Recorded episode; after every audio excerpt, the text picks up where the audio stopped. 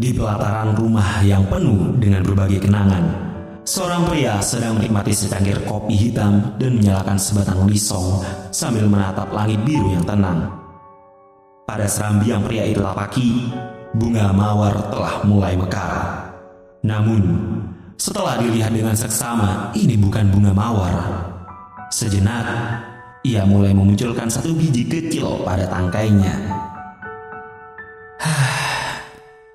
Dua tahun lalu, lelaki yang penuh dengan luka berjalan di bawah rinai hujan. Entah sudah berapa jarak ia menelusuri jalan itu. Dia hanya menatap kosong ke depan tanpa tahu tujuan ke mana dia pulang. Setelah luka yang ia dapatkan selama ini oleh para wanita yang dekat dengannya, ia tak tahu lagi ingin berlabuh ke mana, keberanda mana lagi ia singgah menyambut dengan suka, berpisah dengan duka. Dersik angin yang mulai menghembus pun tak ia dengar karena terlalu banyak suara wanita yang ia hadapi.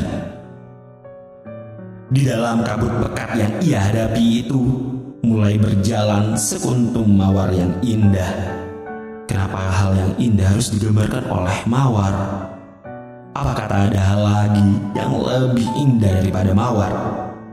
Mungkin dari situ ia tahu arti dari rasa sakit. Penuh liku dan tikungan tak bertepi, tertutup oleh hutan dan danau yang tak berwarna, terkekang oleh penjara emas tak bertuan. Mereka hanya berkata, "Kau adalah kakak yang terbaik." Cukup hubungan kita sebatas itu. Logikanya saja, seorang kakak kepada adiknya dapat melakukan hubungan yang penuh dengan sayang daripada hanya sebatas kekasih, bukan?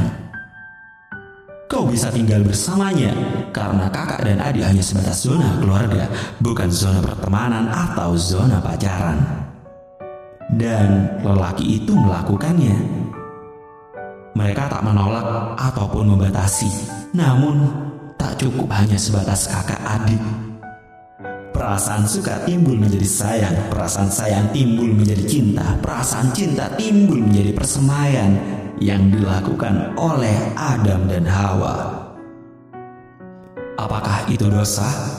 Nafsu? Ah, tidak juga.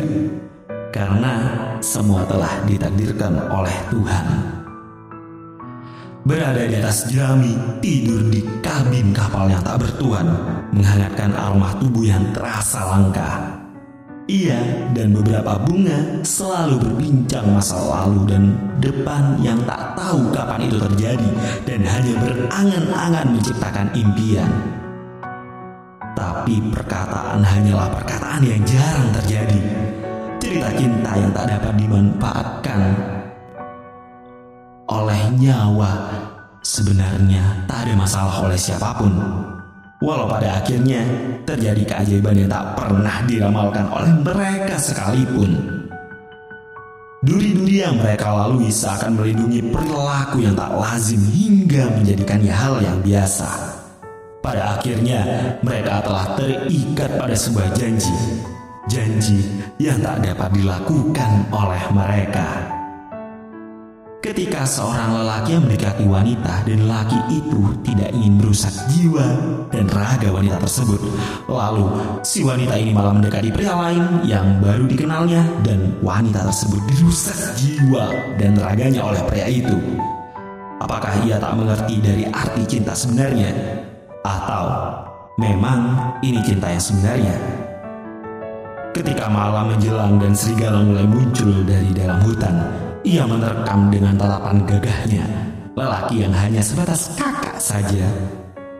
Itu tak bisa menghentikan perbuatan sang serigala kepada adiknya itu. Dan mulai menerkam secara brutal hingga mengasihi. Ternyata lebih manjur daripada mencintai. Raihlah kebebasanmu dari kebenaran yang kau anggap itu tanpa pernah menoleh ke belakang sekalipun karena itu hanya menyakitkan seseorang.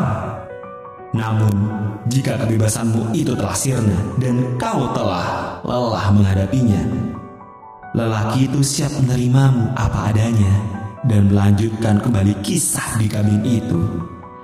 Ya, walau dua tahun telah berlalu dan lelaki itu hanyalah lelaki luka yang ingin meninggalkan rasa pahit dari manis ucapan sang buah mawar.